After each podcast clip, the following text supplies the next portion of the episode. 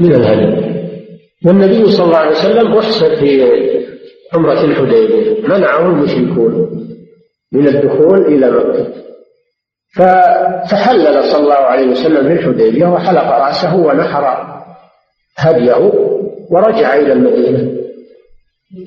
لأنه تفاوض مع المشركين على أنه يرجع هذه السنة ويعتمر من العام القادم. فتحلل صلى الله عليه وسلم ونحر هديه ورجع إلى إلى المدينة. فدل على أن الذي منع من الوصول إلى مكة منعا لا يتمكن معه من المضي أنه يتحلل ويفدي ولا شيء عليه. هذا هو المحصن محصر بعدو أو محصر بمرض أو بضياع نفقة أو غير ذلك. يتحلل ولا شيء ولا شيء عليه من البحث وهذا من تيسير الله جل وعلا. فإن أحسنتم فما استيسر من الهدي نعم. عن ابن عباس رضي الله عنهما قال قد ارسل رسول الله صلى الله عليه وسلم فحمى راسه وجمع لسانه ونحر هديه حتى كبر له القابله رواه البخاري نعم. هذا الحديث في إحصار النبي صلى الله عليه وسلم حين منعه المشركون وصده المشركون عن أداء العمرة في السنة السابعة من الهجرة وتفاوض معهم على أن يرجع هذا العام وأن يعتمر من العام القادم. فصالحهم صلى الله عليه وسلم لما في ذلك من المصلحة لما في ذلك من المصلحة للمسلمين. وإن كان كثير من أصحابه كرهوا هذا الصلح لأنهم ظنوا أن فيه غضاضة على المسلمين وأن فيه تسلطا للكفار ولكن الله جعل فيه الخير وسماه فتحا. إنا فتحنا لك فتحا مبينا سماه فتحا. وصار مقدمة لفتح مكة المشرفة وسقوط خيبر بيد المسلمين ووضع الحرب بين المسلمين والكفار. وإتاحة الفرصة لمن يريد الدخول في الإسلام ولا يمنع أحد. ومن يريد الهجرة إلى المدينة ما يمنع أحد.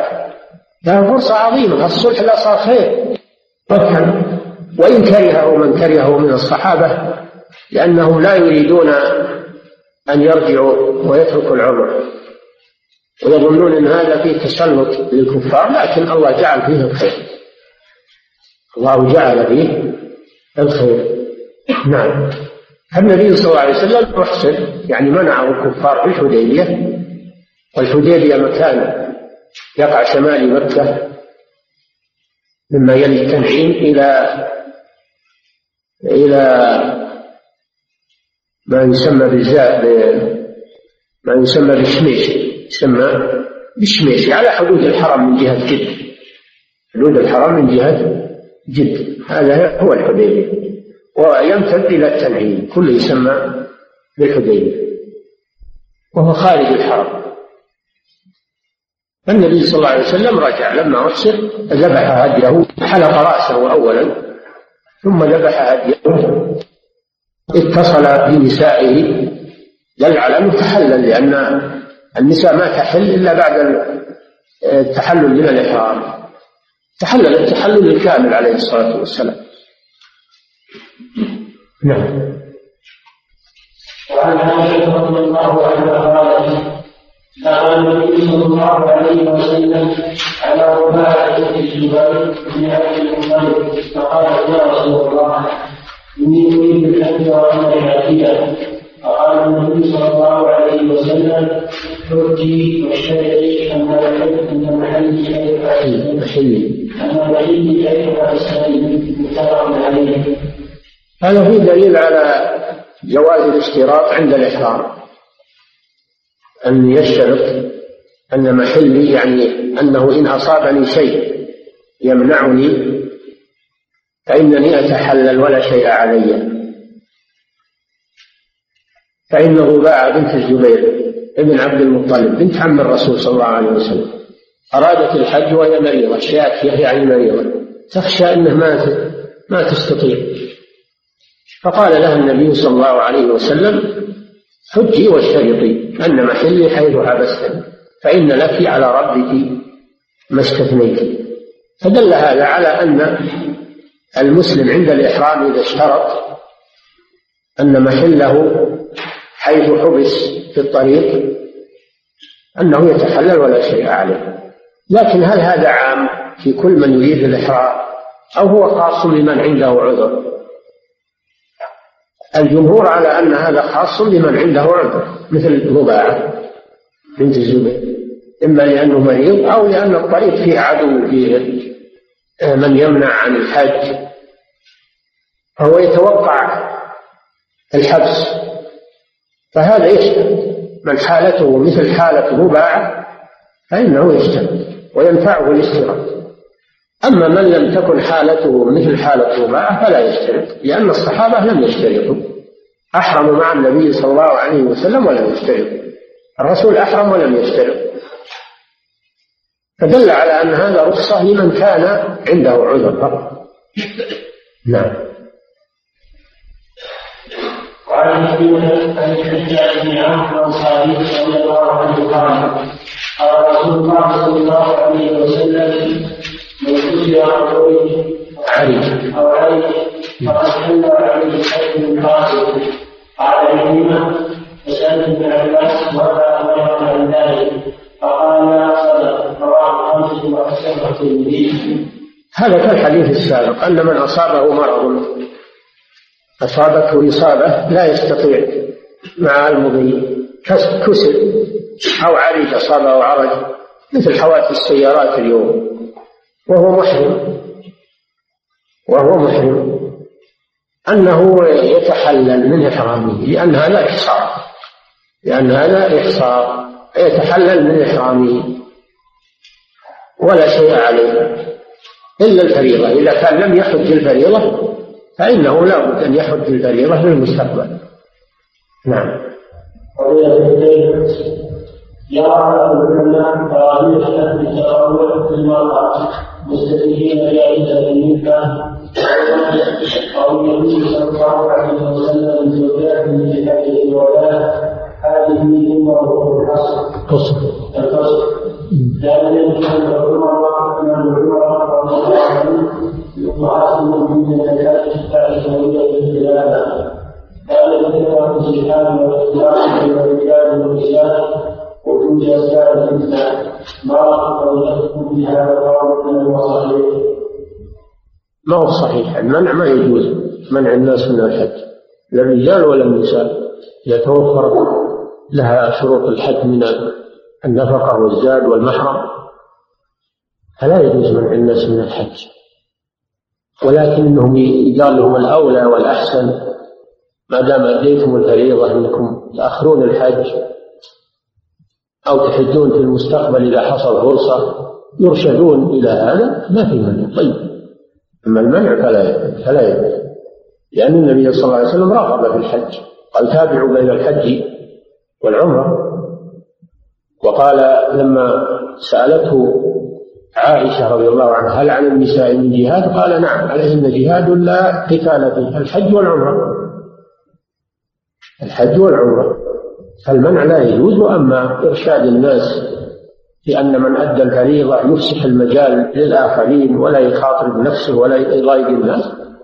هذا شيء آخر. نعم. الشيخ وهو الجهاد في مكان الأشهر هل يجوز له تأخير الرمي إلى يوم الثالث عشر ويرجع إلى اليومين في يوم الثالث عشر الجواز جائز هذا حتى ولو ما وجد زحام يجوز له التأخير لأن أيام الرمي كالوقت الواحد يجوز الجواز. ولكن قوله اليوم الثاني عشر فيه زحام ولا ما هو صحيح. الزحام في أول الوقت لكن لو تجي بعد العصر ما وجدت فيه زحمة لأن الناس راحوا طاروا فما في زحام بعد العصر. فلو إنه جاء بعد العصر أو قبيل غروب الشمس وجد المكان واسعا ولا زحام فيه وقد جربنا هذا. نعم. قضية الليل أقام الصلاة في هذه المساجد يدخل فيه خبر ولم نعم. الصلاة هل الصلاة في هذه المساجد يدخل فيه الفرض ولا إيه؟ الفرض إيه نعم. هو الرسول أطلق عليه الصلاة والسلام. قال صلاة صلاة هذه نكرة تعم فريضة والنافلة وفضل الله واسع. من الذي يخصصه بالفريضة؟ نعم.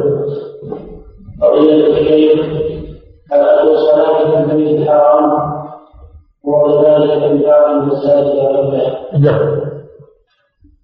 مساجد مكة هي المضاعفة سواء لأن كله حرام. كل ما كان داخل الأميال فهو الحرام. ولكن إذا صلى عند الكعبة لا شك أن هذا له مزية لأنه يرى الكعبة ويشاهد الكعبة هذا له مزية وزيادة فضل زيادة فضل. وإلا المضاعفة حاصلة ولله الحمد في كل مساجد مكة. نعم. ولكن إذا إذا صار في زحام شديد وفيه خطورة وفيه خلل في العبادة ما يستطيع يصلي من الزحمة ما يستطيع يسجد على الأرض ولا يستطيع. هذا صلاته خارج الحرم أفضل. حتى صلاته في الحل أفضل من صلاته في الحرم إذا حصل زحام شديد. ما يتمكن من أداء الصلاة على وجهها المشروع. نعم.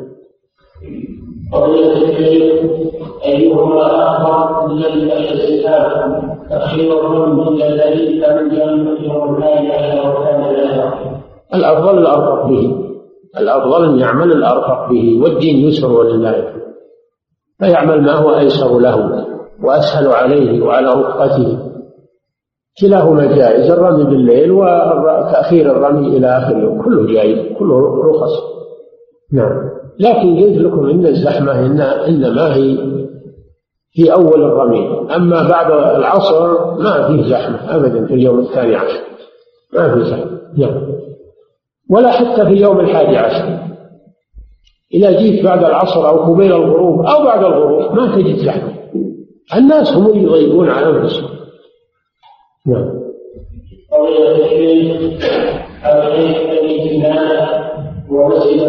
لا مسجد الخيف هذا في منى وخيف بني كنانة هذا في الأرض والخيف معناه الجبل.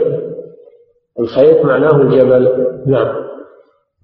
قضية الشيخ هل الصلاة عند الصواب الروضة مثل صلاة العائشة أجر خاص وكذلك في بحار النبي صلى الله عليه وسلم والروضة بها أما الصلاة في الروضة هذا هو هذا هو المستحب والفضيل لقوله صلى الله عليه وسلم ما بين بيتي ومنبري روضة من رياض الجنة. وأما تخصيص المحراب هذا لا أصل له. هذا لا أصل له. ولا يكشفون بالإزدحام على المحراب بل يتمسحون به ويلحسونه هذا كله من الخرافات التي ما أنزل الله بها من سلطان. فلا خاصية للمحراب. وأما الاسطوانة المعروفة فنعم كان النبي صلى الله عليه وسلم يتحرى الصلاة عنده. يستحب الصلاة عندها أيضا مثل الصلاة في الروضة. نعم. إذا قلتم في القبوريين الذين يدعون بالأرض التي يسمونها إذا قلت فهم لا تنافعكم بها إلا لا في المساجد يقولون الحديث ليس فيه ذكر إلا طريق أو وإنما قد في مسائل الأرض. ما شاء الله. إلى صارت المساجد اللي هي بيوت الله ما يسافر إليها. يسافر لأجل الضريح. هذا من يقول الكلام هذا؟ إلا جاهل مركب. هذا كأنه يقول لا تعملون بالحديث ولا يهمكم هذا الحديث. هذا معنى كلامه نعم. هل يلزم القائل أو المؤمن؟ نعم. هل يلزم للقارئ أو المؤمن الاتيان بقراءة السيارة إذا قدم في وقت مبكر؟ هل يلزم إيش؟ المؤمن إيه؟ الاتيان بقراءة السيارة اذا قدم في وقت مبكر طواف الزيارة هو طواف الإفاضة طواف الزيارة هو طواف الإفاضة يسمى الزيارة ويسمى الإفاضة ويسمى الصدق. أسماء لطواف الإفاضة أما الطواف الأول هذا يسمى طواف القدوم. هنا ما يسمى طواف زيارة يسمى طواف القدوم وهو سنة. في حق القارن والمفرد نعم. فضيلة الشيخ إذا أخذ الحال الرمي إلى اليوم الثاني عشر فأنه اليوم يعرض الزوال عند هذه عشر لا. الرمي في أيام التشريق بعد الزوال. ولا يجوز قبل الزوال لأن النبي صلى الله عليه وسلم كان ينتظر إلى أن تزول الشمس. ثم يذهب ويرمي ويقول خذوا عني مناسككم.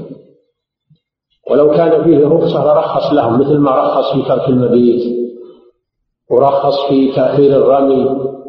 ولم يرخص في الرمي قبل الزواج. دل على أنه لا يجوز. وكل الرمي أيام التشريق كله بعد الزوال ولا يجزي إذا رمي قبل الزوال لأنه كمن صلى قبل دخول الوقت. لو صلى الظهر قبل الزوال تصح كذلك الرمي وقته الرسول صلى الله عليه وسلم بالزوال. فلو رميت قبل الزوال أديت العبادة قبل وقتها فلا تصح نعم. قضية الشيخ إذا تعجل الحال ورمى تجاوز تجاوز عشر نعم. وخرج من منى ثم عاد الليل أجل حاجة له الصيام أو كان صاحب حافلة أراد أن يجد الرجال فهل يزال من الأيام؟ لا.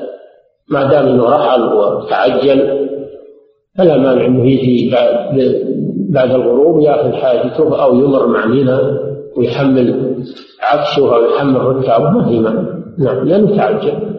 نعم. إذا كان يدع الإنسان الصلاة أو الاعتكاف في المسجد أو الثلاثة وكان هذا المسجد يحتاج الاعتكاف فيه إلى سفر فهل يأتي هذا النذر وكيف يتصرف؟ ما يجوز له هذا. إذا نذر الاعتكاف في مسجد غير الثلاثة ما يتعين عليه. يعتكف في أي مسجد. المساجد سواء. يعتكف في أي مسجد والحمد لله. المساجد سواء. إنما الذي يتعين هو إذا نذر الاعتكاف في المساجد الثلاث. وإذا نذر المسجد الأقصى يجزيه أن يعتكف في المسجد النبوي لأنه أفضل منه. وإذا نذر في المسجد النبوي يجزيه يعتكف في المسجد الحرام لأنه أفضل. المساجد الثلاثة لا بأس. أما أن ينذر اعتكاف في مسجد حتى ولو في البلد ما يحتاج صلاة ما يتعين عليه هذا المسجد. نعم.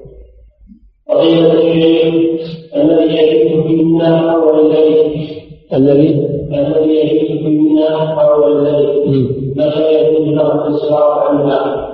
قلنا إذا مضى معظم الليل إذا مضى أكثر الليل جاز له الإنسان فمن بقي في منى أكثر الليل من أول الليل أو من آخره أجزأه عنه أجزأه المبيت حصل له المبيت نعم قضية الليل هل هناك فرق بين العبارتين إدخال الحج في العمرة أو إدخال العمرة في الحج؟ إيه في فرق إدخال العمرة في الحج لا, لا يجوز. هذا ما يجوز أنك تحرم بالعمرة وتدخلها على الحج. المفرد إذا كان الإنسان مفردا بالحج لا يجوز له أنه يحرم بعمرة ويدخلها على الحج يقول أنا قارن.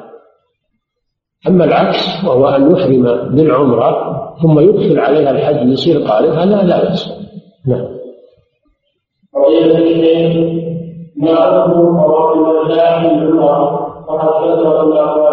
سمعتم الكلام فيه وأنه ما ما في دليل على على وجوبه. أما من طاف من باب الاستحباب فلا مانع يطوف. لكن من باب الوجوب ونقول عليك دم إذا تركته نقول لا هذا ما ما عليه دليل.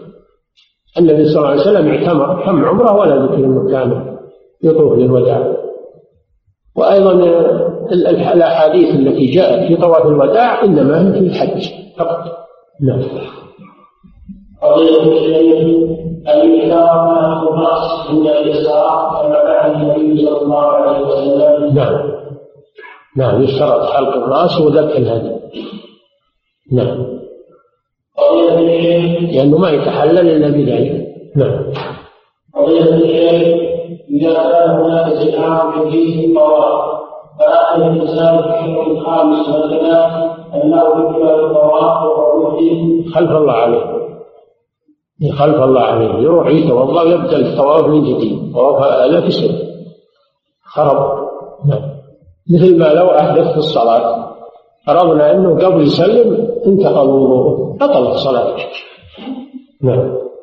فضيلة الشيخ إذا أراد العبد أن يقصر يقصر على رأسه الثالثات فإن كما يستعمل المسلم هذا الشأن الخلق ويحفظ إليه كلام من التجريد فهذا جائز أم هو نوع من هذا نوع من القزم لكن إذا كان ما هو بين خفيف ما هو بين يزيل أشياء خفيفة ولا يتبين هو يعفى عنه أما إذا كان شيء مبين يدور الرأس وحلقه دائري من هنا وهنا هذا هو القزع المنهي عنه قال صلى الله عليه وسلم احلقه كله أو دعه كله. نعم. هذا فيه تشبه بالنصارى هذا من فعل النصارى. وقد وجد الآن مع الأسف من المسلمين من يتشبه بالنصارى حتى في غير يحلق رأسه دائريا ويترك وسطه. يترك وسط الرأس. هذا فعل النصارى من قديم الزمان. نعم. من أو فالقزع هو حلق جوانب الرأس دائريا أو حلق وسطه ترك جوانبه أو حلق محلات منه ترك محلات. هذا هو القزع المحرم. نعم. فضيلة الشيخ من فاته الحج أو رؤسه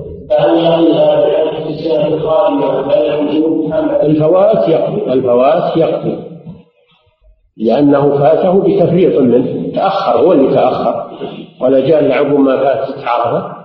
فيقضي العام القادم. يؤدي عمره الآن ويتحلل من إحرامه ثم يقضي من العام القادم. لأنه هو المفرط. أما المحصر فلا عليه فضل. محصر ما عليه فضل. نعم. لأن الذين حجوا مع النبي صلى الله عليه وسلم الذين اعتمروا مع النبي صلى الله عليه وسلم في الحديبية ما ذكر إنهم كلهم جاءوا من العام القادم وأدوا عمرة. دل على أنه ما هو واجب.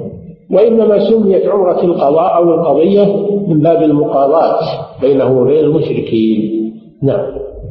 قضية الشيخ هل يجوز للمحرم وضع الغذاء على كتفيه في حال الوقت نعم يجوز وضع وضع وضع البطانية أو الكمبل أو العباءة لكن ما يدخل يديه في اكمامها ما يدخل يديه في أكمامها وإنما يطرحها طرحا بدون أن يدخل يديه في أكمامها